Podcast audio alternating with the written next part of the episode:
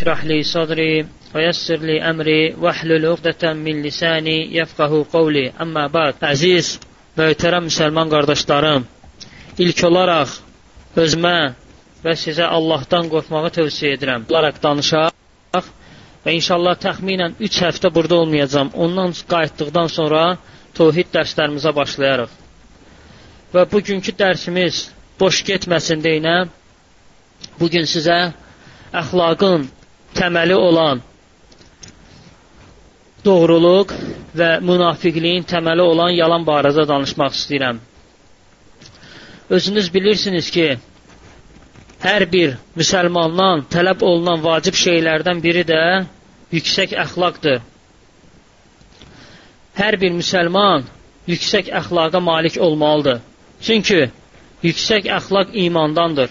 Həmçinin Allahın sevimli bəndələrin sifətlərindən, Allahdan qorxanların əməllərindəndir. Pis əxlaq sahibini cəhənnəmə apardığı kimi, gözəl əxlaq da sahibini cənnətə aparır. Fikir verin, bizdən neçə əsr öncə yaşamış o qədər insanlar vardır ki, ölüb gediblər. Ancaq onlar gözəl əxlaqları ilə elə bir iz qoyublar ki, qiyamətə qədər onların adları zikr olunur və gözəl nümunə olaraq xatırlanırlar. Baxın, elə Peyğəmbər sallallahu aleyhi və səlləmin özü hələ cahilliyə dövründə onu əmin bir insan kimi tanıyırdılar. Cahillər onun əxlaqına görə ona hörmət edirdilər. Və İslam gəldikdən sonra isə Peyğəmbər sallallahu aleyhi və səlləm əxlaqını daha da kamilləşdirdi. Və Peyğəmbər sallallahu aleyhi və səlləm buyurur ki, mən gözəl əxlaqları tamamlamaq üçün göndərilmişəm. Gözəl əxlaq elə bir şeydir ki, insanın istər-istəməz üzünə nur gətirir. Hətta Peyğəmbər sallallahu aleyhi və səlləm Məkkədən Mədiniyə hicrət etdikdə hicrət etdikdə hələ İslamı qəbul etməyən Yahudi olan Abdullah ibn Səba Abdullah bin Sələm radiyallahu anhu buyurur ki, mən də Mədinənin qırağına gedib onun sifətinə baxacam. Yəni Abdullah ibn Sələm radiyallahu anhunun fikri olmur ki, İslamı qəbul eləsin. Sadəcə olaraq deyir ki, o özünü peyğəmbər iddia eləyən insanın sifətinə baxmaq istəyirəm. Və gəlir Mədinənin qırağına, peyğəmbər sallallahu aleyhi və səlləm də Mədinəyə daxil olur sahabələr onu qarşılayırdılar. Abdullah ibn Səlam radiyallahu anhu onun üzünə baxanda deyir ki, vallahi bu insan yalan danışmaz. Bunda yalan danışan sifət yoxdur. Və adicə onun üzünə baxmaqla, gözəl əxlaqına görə İslamı qəbul eləyir. Və buyurur ki, Peyğəmbər sallallahu aleyhi və səlləmdə eşitdiyim ən ilk söz, Peyğəmbər sallallahu aleyhi və səlləm buyurdu ki, salamı yayın, Gecələr insanlar yatdıqda namaz qılın və kasıblara əl tutun, kasıbları yedizdirin. Baxın, subhanallah, Peyğəmbər sallallahu aleyhi və səlləmin üzünə baxmaqla İslamı qəbul eləyir. Ona görə də Peyğəmbər sallallahu aleyhi və səlləm gəlişi ilə gözəl əxlaqları tamamladılar. Peyğəmbər sallallahu aleyhi və səlləmin mədrəsəsindən çıxan sahabələr də belə idilər. Bu barədə həddindən artıq çoxlu rəvayətlər var. Ancaq mən sizə Peyğəmbər sallallahu aleyhi və səlləmdən sonra xəlifə olmuş Abu Bakır haqqında bir hekayə danışmaq istəyirəm. Baxın, görün bu insan necə yüksək əxlaqa malik idi. Abu Bakır radiyallahu anhu Peyğəmbər sallallahu aleyhi və səlləmin dönəmində özü heyvanlarından süd sağ sağaraq aparıb kasıblara yedizdirərdi. Və Peyğəmbər sallallahu aleyhi və səlləm öldükdə, vəfat elədikdə Əbu Bəkir xəlifə oldu. Xəlifə olan kimi onun qonşusu var idi, balaca qız, yetim bir qız. Və yetim qızın anasına belə dediyini eşidir Əbu Bakır radiyallahu anhu. Yetim qız ata, anasına deyir ki, anacan, Əbu Bakır artıq xəlifədir. O daha bizə süd gətirməz. Əbu Bakır da bunu eşidir, deyir, yox, vallahi ki, yox. Mən yenə də öz əllərimlə sağıb sizə süd gətirəcəyəm. Baxın, subhanallah, necə əxlaq göstərərdilər. Və yaxud da Abu Bakr radiyallahu anhu xəlifə olmasına baxmayaraq, Həmçinin Usəmə ondan az yaşlı olur. Usəmə onun vaxtında çox cavan olur. Bilirsiniz Peyğəmbər sallallahu aleyhi və səlləm ölümündən qabaq qoşunu hazırlayır və bu qoşunun başçısını da Usaməni qoyur. Və Peyğəmbər sallallahu aleyhi və səlləm vəfat etdikdən sonra bir çox səhabələr bu qoşunu döyüşə göndərməyin əleyhinə olsalar da Abbaqır buyurur ki, vallahi Peyğəmbər sallallahu aleyhi və səlləmin fikri bu idi ki, o, o fikri bu idi ki, qoşunu döyüşə göndərsin.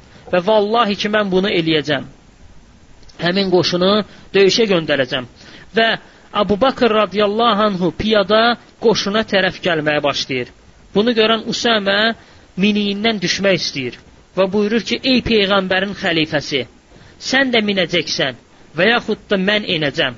Abu Bakır radiyallahu anhu xəlifə olmasına baxmayaraq buyurur ki, vallahi ki, yox, nə sən miniyindən düşəcəksən, nə də ki, mən ora minəcəyəm.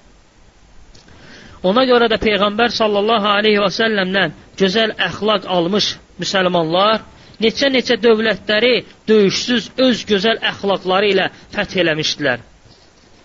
Gözəl əxlaqın qapıları həddindən artıq çoxdur. Və demək olar ki, gözəl əxlaq göstərmək bir çox ibadətlərdən də üstündür. Məsələn, salamı yaymaq ibadətdir. Xəstəni ziyarət eləmək ibarət ibadətdir. Qardaşının üzünə təbəssüm eləmək ibadətdir. Gözəl söz danışmaq ibadətdir. Qardaşınla görüşmək, onun hal əhvalını tutmaq ibadətdir. Yetimin başına sığal çəkmək ibadətdir. Kiminsə ehtiyacını ödəmək ibadətdir və s.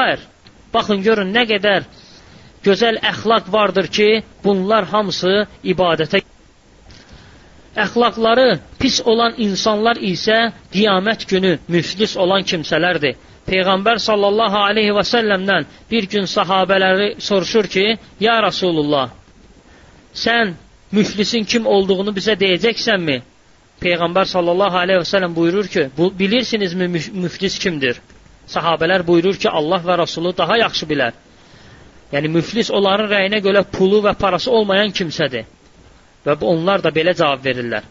Peyğəmbər sallallahu aleyhi və sələm də onlara buyurur ki, xeyr, ümmətimdən müflis olan kəslər o şəxslərdir ki, qiyamət günü namazı, zəkatı və orucu ilə gələcəklər. Ancaq kiminsə haqqına girib, kimisə söyüb, kimisə vurub, kiməsə böhtan atıb, kiminsə malını yeyib, kiminsə qanını töküb. Ona görə də ziyan görmüş kimsələr onun savablarından götürəcəklər. Savabları qurtardıqdan sonra ziyan görmüş kimsələr günah ziyan görmüş kimsələrin günahlarından götürüb onlara veriləcəkdir. Sonra isə cəhənnəmə atılacaqlar.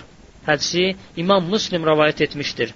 Fikir verin, ibadətləri yerində ola-ola ancaq gözəl əxlaqları olmadığına görə cəhənnəm əhlindən olacaqlar. Ona görə də Peyğəmbər sallallahu aleyhi və səlləmdən səhabələri soruşur ki, Ya Rasulullah, bir nəfər var, çoxlu namaz qılır, sədəqə verir, oruç tutur, ancaq qonşusuna dili ilə əziyyət verir. Peyğəmbər sallallahu aleyhi və səlləm cavab verir ki, o cəhənnəmlikdir. Sonra isə Peyğəmbər sallallahu aleyhi və səlləmə sahabələr belə deyir ki, Ya Rasulullah, bir nəfər də var, ancaq çoxlu namaz qılmır, sədəqə vermir, çoxlu sədəqə vermir, ancaq dili ilə insanlara, qonşularına əziyyət vermir. Peyğəmbər sallallahu aleyhi və səlləm də buyurur ki, o cənnətlikdir. Hədisi İmam Əhməd rəvayət etmişdir. Bu gün mən sizə gözəl əxlaqın təməli olan düzgünlük və münafiqliyin təməli olan yalan barədə danışmaq istəyirəm. Fikir verin, Peyğəmbər sallallahu aleyhi və səlləm münafiqliyin əlamətini sadaladıqda ilk olaraq yalan danışmağı zikr elədi. Necə ki Peyğəmbər sallallahu alayhi və səlləmin hədisində Peyğəmbər sallallahu alayhi və səlləm Əbu Hüreyrə rivayet elədiyi hədisdə Peyğəmbər sallallahu alayhi və səlləm belə buyurur: Münafiqin əlaməti 3-dür. Danışdıqda yalan danışar, vəd verdikdə ona əməl eləməz və əyanətə və əmanətə xəyanət eləyər. Bu hədisi Buxari və Müslim rivayet etmişdir. Ona görə Həsənül Basr rəhməhullah buyurur ki, münafiqlik özü yalan üzərində qurulmuşdur. Yalan danışan kəs bilməlidir ki, bu əməlinə görə sabah Allah qabağında cavab verəcəkdir. Düzgünlük öz sahibini cənnətə apardığı kimi, yalan danışmaq da öz sahibini cəhənnəmə aparır. Hələ qiyamətdən qabaq bərzəx həyatında da onları şiddətli əzab gözləyir. Necə ki Səmra bin Cündub radiyallahu anh rivayet edir ki, Peyğəmbər sallallahu aleyhi və səlləm çox vaxt sübh namazını qıldıqdan sonra üzünü bizə tərəf biz üzünü bizə tərəf çevirib deyərdi: "Sizlərdən bu gün kimsə yuxu görübmü?" Və kimsə yuxu gör görmüşdüsə Peyğəmbər sallallahu aleyhi və səlləmə danışar və Peyğəmbər sallallahu aleyhi və səlləm o yuxunu yozardı. Və bir gündə Peyğəmbər sallallahu aleyhi ve sellem yenə bizdən soruşdu ki, sizlərdən kimsə yuxu görübmü? Biz xeyr deyə cavab verdik. Peyğəmbər sallallahu aleyhi ve sellem buyurdu ki, mən isə bu gecə yuxuda iki nəfəri gördüm. Hədis uzun hədisdir, ancaq bizə lazım olan yeri qeyd eləyəcəm. Buyurur ki, onlar mənim yanıma gəldilər və mənim əlimdən tutub müqəddəs torpağa apardılar. O iki nəfər də mələk olur, Cəbrail və Mikail. Buyurur ki, Bir də gördüm ki, bir nəfər yerdə oturub, başqa birisi də əlində dəmir qarmaq ilə onun başı üzərində dayanıb. O qarmağı o, o, yəni hansı ki başının üzərində durub, qarmağı oturan adamın ağzına salır və onun ağzını qafasına qədər cırır. Yəni qulağına qədər onun dəmir qarmaqla onun ağzını cırır. Sonra isə bu qayda ilə onun o biri tərəfini cırmağa başlayır. İkinci tərəfini cırdıqda cırdığı birinci tərəf sağalmağa başlayır. Və o yenə də qayıdır ikincidən sonra birincini zırmağa başlayır. Ta qiyamətə qədər belə davam eləyir. Və Peyğəmbər sallallahu aleyhi və səlləm də sonra Cibril və Mikaildən soruşur ki, o ağzı cırılan kəs kim idi? Onlar cavab verirdilər, onlar cavab verdilər ki, dünyada ikən yalan danışan kimsələrdir. Baxın, subhanallah. Buyurur ki, onlar Dünyada ikən yalan danışardılar və onların bu yalanları hər tərəfə yayılardı. Və ona görə də qiyamət gününə qədər onların ağzı belə olacaq. Bu hədisi İmam Buxari rəvayət etmişdir. Aramızda geniş yayılan, ancaq ona adi gözlə baxdığımız şeylərdən də biri zarafat etdikdə insanları güldürmək üçün yalan danışmaqdır.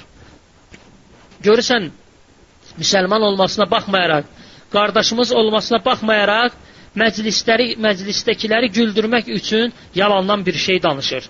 Bu isə heç də xoş olmayan bir əxlaqdır. Peyğəmbər sallallahu aleyhi və səlləm bu cür insanlar barədə buyurur ki, vay olsun insanları güldürmək üçün yalan danışanların halına. Vay olsun onların halına, vay olsun onların halına. Subhanallah. Hədisi Əbu Davud rəvayət edib. Ona görə bu cürə şeylərdən çəkinmək lazımdır yalan danışmağın cəzası cəhənnəm olduğu kimi, onun əksi doğru danışmağın əvəzi də cənnətdir. Necə ki, Abdullah rəvayət edir ki, Peyğəmbər sallallahu aleyhi və sələm belə dedi. Abdullah ibn Məsud rəvayət edir ki, Peyğəmbər sallallahu aleyhi və sələm belə dedi. Doğruluqdan əl çəkməyin. Çünki doğruluq adamı yaxşı işlər görməyə yönəldir. Yaxşı işlər isə sahibini cənnətə aparır. Həqiqətən adam o qədər doğru danışır ki, nəhayət Allah yanında doğru, doğru, doğru danışanlardan yazılır. Sonra isə buyurur ki, yalandan çəkinin. Çünki yalan adamı cəhənnəmə sövq edir. Günah işlər isə adamı cəhənnəmə aparır. Həqiqətən adam o qədər yalan danışır ki, nəhayət Allah yanında yalançılardan yazılır. Bu hədisi də İmam Muslim rəvayət etmişdir. Doğruluq peyğəmbərlik mərtəbəsindən sonra gələn ən yüksək rütbədir. Necə ki Allah Subhanahu taala buyurur ki: "Və men yuti'illaha və rasulə fa ulaika ma'allazina an'ama Allahu alayhim minan nabiyyin was-siddiqin wash-şuhada'i was-salihin və hasuna ulaika rafiqa." Allah Subhanahu taala buyurur ki: Allah və onun elçisinə itaat edənlər Allahın özlərinə nemət bəxş etdiyi peyğəmbərlərlə, siddiqlərlə, şəhidlərlə və əməli salihlərlə bir yerdə olacaqlar. Onlar necə də dostdurlar. Fikir verin. Allah subhanət hələ dörd sinif insanı sayır. Onlardan da biri doğru danışanlardır. Nisə surəsi 39-cu ayə. Ona görə Kim ki Allahın sevim, sevgisi, kim ki Allahın sevgisini, cənnəti qazanmaq istəyirsə, mütləq və mütləq yalandan uzaq olmalıdır. Səs var qardaşlar. Mücahid rahmehullah buyurur ki, doğrudan da hər bir kəlmə yazılır. İnsanın ağzından çıxan hər bir kəlmə yazılır. Mələklər tərəfindən qeydə alınır.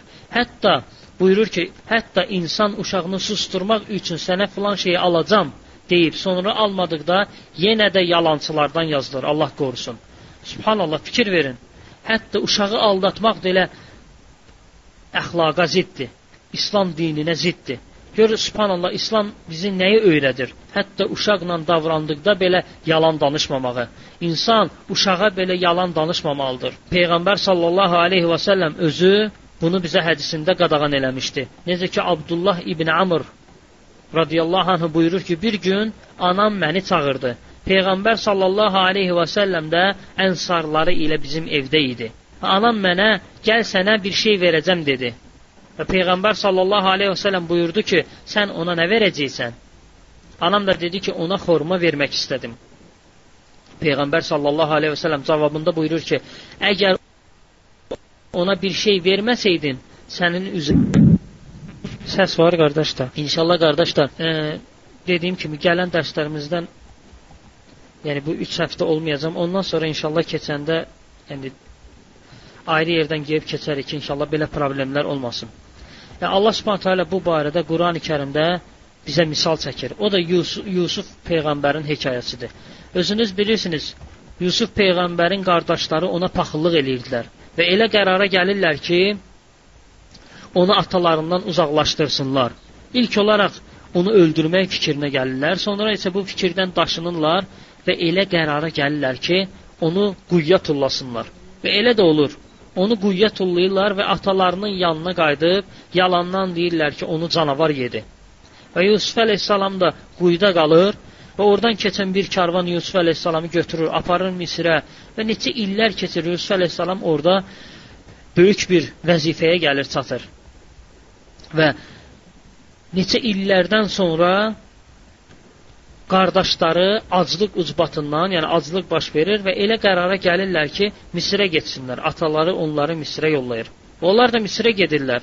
Onlar Yusuf əleyhissalamı tanımırlar və çox uzun hekayədir. Kim oxumaq istəyirsə, inşallah onu e, davamını Yusuf surəsindən oxuyar, ancaq mən qısa bir yerini xatırlatmaq istəyirəm. O da Yusuf əleyhissalam öz doğma qardaşını, yəni onlardan biri öz doğma qardaşı olur. Yanında saxlamaq üçün, yəni elə bir hiylə qurur ki, və qardaşları da buna allanırlar. Həmin hiləyə allanırlar. Və elə olur ki, padşahın bir əşyası itir. Onlarda da qanun olur ki, əgər kim ki oğurluq eləyibsə, oğurladığı adamın yanında qalıb bir neçə il ona xidmət eləyir. Və həmin saraydan da padşahın şeyi oğurlanır. Sonra gəlib bunlar yolda olanda gəlirlər, axtarırlar bunları və qardaşının şeyindən tapırlar. Əslində o şey Yusuf əleyhissalam eləyir ki, qardaşı öz doğma qardaşı onun yanında qalsın. Və doğrudan da bu şeyi eləməkdə, bu şeyin bu hadisənin baş verməsində o qardaşların heç bir günahı olmur. Ancaq onlar atalarının yanına qayıtdıqda atalarına deyir ki, atalarına deyirlər ki, ey atamız, doğrudan da bizim bu hadisədə heç bir günahımız yoxdur. Bizə inanmırsansa, bizimlə gələn karvandan soruş. Görün karvanda da nə qədər adam olur. Yəni onlardan soruş, onlar təsdiq eləyər ki, doğrudan da bizim təqsirimiz yox idi. Baxın subhanallah, ataları Yaqub əleyhissalam onlar bir dəfə yalan danışdıqlarına görə onlara inanmır. Heç karvandan da gedib soruşmur. Buyurur ki, bəl səvvələt ləkum ənfusukum. Buyurur ki, xeyr, sizin nəfsiniz sizə bu işə vadar elədi. Baxın, subhanallah. Bir dəfə yalan danışdıqlarına görə atalarının yanında artıq yalançılardan sayırlar. Doğrudan danışsa, danışdıqda belə ataları onlara inanmır. Ancaq insan çətinə düşərsə, Allahın rizasını qazanmaq üçün doğru danışarsa, insanlar ilk anda ona hisslənsələr də, ona qəzəbi tutsalar da, sonradan isə Allah Subhanahu taala o düz danışdığına görə onu insanlara sevdirəcəkdir. Onun mükafatını verəcəkdir. Bu barədə də çox ibrətamiz bir hekayə var. O da Peyğəmbər sallallahu aleyhi və səlləm sahabəsi Kəb ibn Məlikin hekayəsidir. Və bu hekayədə çoxlu ibrətlər vardır və bizə əsas lazım olanı Kəb ibn Məlik çətinliyə düşsə belə insanlar ondan üz çevirməsinə, çevirməsinə baxmayaraq yenə də doğru danışmasıdır. Ancaq görürsən ki, axırda Allah Subhanahu taala onun mükafatını verir. Kəb ibn Məlik bu rivayəti belə belə bu hekayəni belə rivayet eləyir. Buyurur ki, Təbuk döyüşündən başqa Peyğəmbər sallallahu alayhi və səlləmin bütün döyüşlərində iştirak etmişdim. Heç bir döyüşdən yayınmamışdım. Bədir döyüşündə Bədir döyüşündə yayınla Bədir döyüşünə getməməyimin səbəbi isə Peyğəmbər sallallahu alayhi və səlləmin döyüş dalınca getməməsi idi. Özünüz bilirsiniz Peyğəmbər sallallahu alayhi və səlləm Bədir döyüşü, Bədirə getdikdə, yəni niyyəti olmur ki, döyüşə getsin. Niyyət olur ki, gedib qafilədə Qureyşin karvanının qabağını kəssinlər. Və elə olur ki, Allah Subhanahu taala onları döyüşlə imtahana çəkir. Və Kəb ibn Məlik radiyallahu anh da buyurur ki, ondan başqa bütün döyüşlərdə iştirak etmişdim. Və Əqəbə beyətində hamının beyət etdiyi kimi mən də Peyğəmbər sallallahu aleyhi və səlləmi bu İslamı bir yerdə yaşamağımıza söz vermişdim, beyət eləmişdim. Təbuk döyüşü gəldikdə Peyğəmbər sallallahu aleyhi və səlləm bunu bizə qabaqcadan bildirdi. Yəni ümumiyyətlə Peyğəmbər sallallahu aleyhi və səlləmin adəti idi ki, döyüşə gedəndə onu bildirmirdi. Onu bildirmirdi. Ancaq bu dəfə Peyğəmbər sallallahu aleyhi və səlləm çox şiddətli döyüş olduğuna görə düşmən onlardan qat-qat çox olduqlarına görə Peyğəmbər sallallahu əleyhi və səlləm sahabelər hazırlıq, tədarük görsünlər belə görsünlər deyə bu döyüşün qabaqcadan olacağını bildirdi. Bu döyüşün qabaqcadan olacağını sahabelərə bildirir. Kəb ibn Məlik radiyallahu anhu da buyurur ki, o gün mənim daha çox malım var idi əvvəlki döyüşlərdə mənim bir miniyim olurdusa, bu döyüşdə mənim iki miniyim var idi, iki dənə dəvəm var idi. Və əvvəlkilərə nisbətən daha gümrah idim. Səhər açıldıqda evdən çıxırdım və işimin dalınca gedirdim və niyyətim də o idi ki, döyüşə hazırlaşım. Ancaq axşam olduqda hazırlaşmadan geriyə dönürdüm. İki gün belə davam elədi və Peyğəmbər sallallahu aleyhi və səlləm sahabələri ilə Tabuka yola düşdülər. Və mən yenə döyüş, e, özümü hazırlamadım. Buyurdum ki, inşallah cavanam. Hazırlayaram, gedib onlara çataram. Və elə olur ki, mən yenə də bir səhlənkarlıq göstərdim. Artıq Peyğəmbər sallallahu aleyhi və səlləm Tabuka yetişdi. Və müharibə oldu və Peyğəmbər sallallahu aleyhi və səlləm mən o vaxt ayıldım ki, artıq Peyğəmbər sallallahu aleyhi və səlləm müharibəni eləyib. Kaş ki buyurur ki, gec də olsa mən çıxardım. Çünki mən Mədinədə qaldıqda Mədinədə münafiqlik, münafiqlərdən başqa və həmçinin qadın, uşaq xəstələrdən başqa sahabələrdən heç kəs gözə dəymirdi. Buna görə buyurur ki, mən çox utanırdım. Baxın, subhanallah, burada bir dənə məqam var. Kəb İbn Məlik radiyallahu anhunun döyüşdən yayınmağının səbəbi nə olur? buyurur ki, sonra hazırlayaram, sonra hazırlayaram, sonra hazırlayaram, artıq iş işdən keçir. Ona görə sələflər buyurardılar ki, sonra sözündən çəkinin. Sonra iblisin ən güclü qoşunlarındandır. Ən güclü qoşunlarındandır. Subhanallah, fikir verirsiniz? Peyğəmbər sallallahu aleyhi ve sellem Tabukda olanda ətrafında sahabələr yığ ətrafına sahabələr yığışdıqda peyğəmbər sallallahu əleyhi və səlləm belə buyurdu. Kəb nə etdi? Yəni Kəb nəyə görə bizimlə döyüşə gəlmədi? Buyurur ki, Bənu Sələmə qəbiləsindən olan bir kişi dedi: "Ey Allahın elçisi, Kəbin iki libaslı olması və özündən razı halda olması onu Mədinədə saxladı." Macib bin Cəbəl radiyallahu anh buyurdu ki, "Vallahi sənin dediyin necə də pistir." Ey Allahın elçisi, Allaha and olsun ki, biz Kəbdən yaxşılıqdan başqa bir şey görməmişik. Peyğəmbər sallallahu aleyhi və səlləm sustu, heç nə demədi. Fikir verin. Mazibil Cəbəl radiyallahu anhu qardaşının haqqı taftalandıqda susmadı. Baxmayaraq ki, orada Peyğəmbər sallallahu aleyhi və səlləm var idi. Ancaq Kəb e, Muaz bin Cəbəl radiyallahu anh susmadı. Haqqın çatması üçün öz sözünü dedi. Və buyurur ki, Kəb ibn Məlik onların Mədinəyə qayıtma xəbərini eşitdikdə kədər məni bürüdü.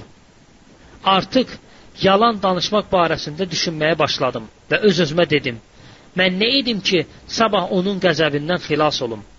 Subhanallah, doğrudan da fikir verin, çox çətin bir vəziyyət idi. Peyğəmbərin qəzəbindən qurtarmaq üçün yalan danışmağı düşünür. Yox, subhanallah, səhabə bunu edə bilməzdi. Peyğəmbər sallallahu aleyhi və səlləmin mədrəsəsindən çıxan insan bunu heç vaxt eləməz. O gözəl başa düşürdü ki, Peyğəmbəri aldatmaqla canını bu dünyada qurtarsa belə, axirətdə hər şeyi bilən Allahdan onu heç kim qurtarmayacaq. Axı o gün insan öz ixtiyarı ilə danışmayacaq. Əl, ayala, ayaq, dil danışacaq. Və nə danışacaqsa hamısını da düz deyəcək. Buyurur ki, Kəb ibn Məlik, sonra bu iş barəsində təcrübəsi olan yaxınlarım barədə, yaxınlarımla söhbət elədim. Və Peyğəmbər sallallahu aleyhi və səlləm Mədinəyə yaxınlaşmaq xəbəri mənə gəlib çatdıqda bütün batil fikirləri özümdən uzaqlaşdırdım. Və belə qərara gəldim ki, yox, subhanallah. Mən ancaq ona haqqı deyəcəm. Kəb ibn Məlik radiyallahu anhu və belə qərara gəlir ki, düz danışsın. İnsanların xoşuna gəlməsə belə Allahın sevgisini qazanmaq üçün düz danışmaya bax, düz danışmağı beynində düşünür və batil fikirləri öz beynindən atır. Peyğəmbər sallallahu əleyhi və səlləm Mədinəyə gəlir, adəti üzrə məsciddə oturur və, və iki rükət namaz qıldıqdan sonra e, məscidə gəlir, iki rükət namaz qıldıqdan sonra cəmaat da bir yerdə oturur. Və sonra isə Peyğəmbər sallallahu əleyhi və səlləmin yan, e, yanına Tabuk döyüşündən yayınan 80-ə yaxın kişi gəlir. Bu kişilər də münafiqlər idi. Gəlirlər və Peyğəmbər sallallahu əleyhi və səlləmin yanına hərəsi bir bəhanə gətirirlər. Biri deyir atam xəstə idi, ona görə gedənmədim. Biri deyir anam xəstə idi, biri deyir belə falan başıma iş gəlmişdi belə. Və hamısı da sonunda deyir ki, ya Rasulullah bizim üçün dua elə. Və Peyğəmbər sallallahu aleyhi və səlləm onlar üçün dua elirdi və qəlblərindəki olanlarını isə Allaha həvalə eləyirdi. Bu zaman Peyğəmbər sallallahu aleyhi və səlləm buyurur ki, hüzuruna mən gəldim. Peyğəmbər sallallahu aleyhi və səlləm məni görcək gülümsədi. Lakin qəzəbli olduğu hiss olunurdu. Lakin qəzəbli olduğu hiss olunurdu. Peyğəmbər sallallahu aleyhi və səlləm mənə gəl deyə çağırdı. Mən yaxınlaşıb onun qarşısında oturduqda o mənə dedi: "Bu döyüşdən yayınmağının səbəbi nə idi?" Məgər sən bundan öncə İslamı yaşatmağa mənə söz verməmişdinmi? Mənə beyət eləməmişdinmi? Mən dedim, doğrudur ey Allahın Rəsullu. Allaha and olsun ki, mən başqa birisinin huzurunda olsaydım, hər hansı bir bəhanə gətirməklə onun qəzabından canımı qurtarardım. Çünki doğrudan da Kəb ibn Məlik radiyallahu anhu yüksək nitqə malik idi. Ancaq Kəb ibn Məlik buyurur ki, Allaha and olsun. Mən başa düşdüm ki, əgər mən bu gün yalan danışmaqla səni razı salsam, sonra Allah yenə sənə həqiqəti bildirdik, bildirdikdə mənə qəzəblənəcəksən. Ancaq sənə həqiqəti söyləsəm, sənin mənə qəzəbin tutsa da, Allahın məni bağışlamağına ümid edəcəyəm. Xeyr, vallahi mənim bu döyüşdən yayınmağıma bəraət qazandıracaq heç bir üzürlü səbəbim yoxdur. Çünki mən heç vaxt özümü indikindən daha gümrah, daha qüvvətli hiss etməmişəm. Peyğəmbər sallallahu əleyhi və səlləm buyurur ki, bax bu doğru danışdı. Buyurur ki, ey Kəb, get. Allahın sənin barəndə hökmü gələnə qədər səbr elə. Mən çıxıb getdikdə Bənu Sələmə qəbiləsindən olan bir dəstə kişi tələsik arxamca gəlib dedi: Allaha and olsun ki, biz səni bundan əvvəl günahkar bir şəxs kimi tanımırıq. Sən döyüşdən yayılan kimsələr kimi Peyğəmbər sallallahu aleyhi və səlləmlə üzrxahlıq etsə, istəsəydin, Peyğəmbər sallallahu aleyhi və səlləm duası sənə kifayət eləyərdi. Subhanallah, fikir verirsiniz? Kəb ibn Məlik buyurur ki, Allaha and olsun ki, onlar məni onlar məni o qədər təqsirləndirdilər ki, qayıdıb yalandan Peyğəmbər səsəmə danışmağı, danışmağı özümdə istədim, özlüyümdə istədim. Ancaq soruşdum ki, məndən başqa da Beyyə də sənin kimi dedi. Bizim üçümüz üçün müsəlmanlara danışmağı qadağan elədi, qadağan elədi. Cəmaat bizdən uzaqlaşdı və onların bizə qarşı olan münasibət dəyişdi. Buyurur ki, hət bu vəziyyət Qardaşlar yenə yoxdur. Buyurur ki, Murara və Hilal Allahın qədərinə boyun əyməklə evlərində oturub ağlayardılar. Ancaq mən isə cavan olduğuma görə çıxırdım, bazarda gəlir, gəzirdim, insanlarla insanlar arasına çıxırdım və cemaat namazına, məscidlərə gedirdim. Məscidə girdikdə Peyğəmbər sallallahu aleyhi və səlləm mənə tərəf baxırdı. Ancaq mən ona tərəf baxdıqda Peyğəmbər sallallahu aleyhi və səlləm üzünü məndən çevirərdi üzünü məndən çevirərdi. Hətta salam verdikdə Peyğəmbər sallallahu aleyhi və sələm dodağına elə tərpədərdi ki, bilmirdim o mənim salamımı alıb ya yox. Və bir gün mən əmim oğlu Qatadənin həyət divarını aşıb onun yanına gəldim. Əbu Qatadəni də bir, mən çox sevirdim, o da məni çox sevirdi. Mən ona salam verdim, ancaq Əbu Qatadə radiyallahu anhu mənim salamımı almadı. Və mən də onun paltarından tutaraq, onu sirkələyərək dedim ki, Bəyən mən Allah və Rasulunu sevmirəmmi? Qatada mənə cavab verdi ki, Allah və Rasulu bilir. Baxın, subhanallah. Ondan sonra Kəb İbn Məlik buyurur ki, mənim gözlərim yaşla doldu. Bazarda gəzdikdə gördüm ki, mənim yanıma gəldilər. Və mənə dedilər, sənə məktub gətirmişik. Həmin məktub Qəssən vilayətinin hökmdarından idi. Mən açıb həmin məktubu oxudum. Həmin məktubda yazılmışdı. Qəssən ibn Qəssən vilayətinin hökmdarı yazmışdı ki, görürəm sənin dostun, yəni Peyğəmbər sallallahu aleyhi və səlləm səni tərk eləyib. Mənim yanıma gəl, sənə vəzifə vedər, verərəm, sənə lazım olan hörməti edərəm. Kəb ibn Məlik radiyallahu anhu buyurur ki, Bu mənim üçün daha bir imtihan idi. Ancaq mən onların çağırışını rədd eləyib Peyğəmbər sallallahu aleyhi və səlləmi tərk eləmədim. Onların məktubunu təndirə atıb yandırdım.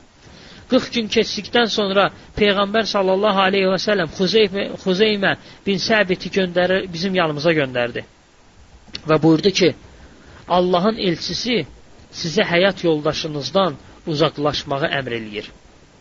Subhanallah, Həsən el-Bas rahmanullah buyurur ki, görün, onlar haram yeməmişdilər, haram içməmişdilər, qan tökməmişdilər, böyük bir günah eləməmişdilər. Ancaq onunla belə görün Allah Subhanahu taala onları necə imtahana çəkdi. Kəb buyurur ki, neyniyim, yoldaşımı boşayım yoxsa ondan uzaqlaşım? O cavab verir ki, xeyr, uzaqlaş, yəni boşama, ancaq ona onunla yaxınlıq eləmə. Peyğəmbər səsən bu xəbəri Murara və Hilala da göndərmişdi. Mən həyat yoldaşıma dedim, atanın evinə get və Allahın hökmü gələnə qədər orada qal. Hilal və, və Umeyyənin yoldaşları isə Peyğəmbər səsəm yanına gəlib dedilər ki, onlar artıq qocalıblar, əldən düşüblər. Bütün günü oturub ağlayırlar, onsuz da bizə yaxınlaşmırlar. Olarmı ona qulluq eləyək? Peyğəmbər səsəm buyurur ki, eləyin qulluq, ancaq ona, on, on, onlarla yaxınlıq eləməyin səlləmdən heç icazə belə almır yoldaşı üçün. Bu gün bu hadisə, bu imtahan onlar üçün 50 gün davam eləyir. 50 günün tamamında Kəb ibn Məlik buyurur ki, sübh namazını qıldıqdan sonra evimin damında oturub Allahı zikr eləyirdim. Gördüm ki, bir nəfər qışqırdı, ey Kəb ibn Məlik, sevin, Allah subhanət hələ səni bağışladı. Mən də səzdəyə qapandım. Sonra isə məni müjdələyən adama paltarımı verdim. başqa bir paltarım olmadığına görə qonşudan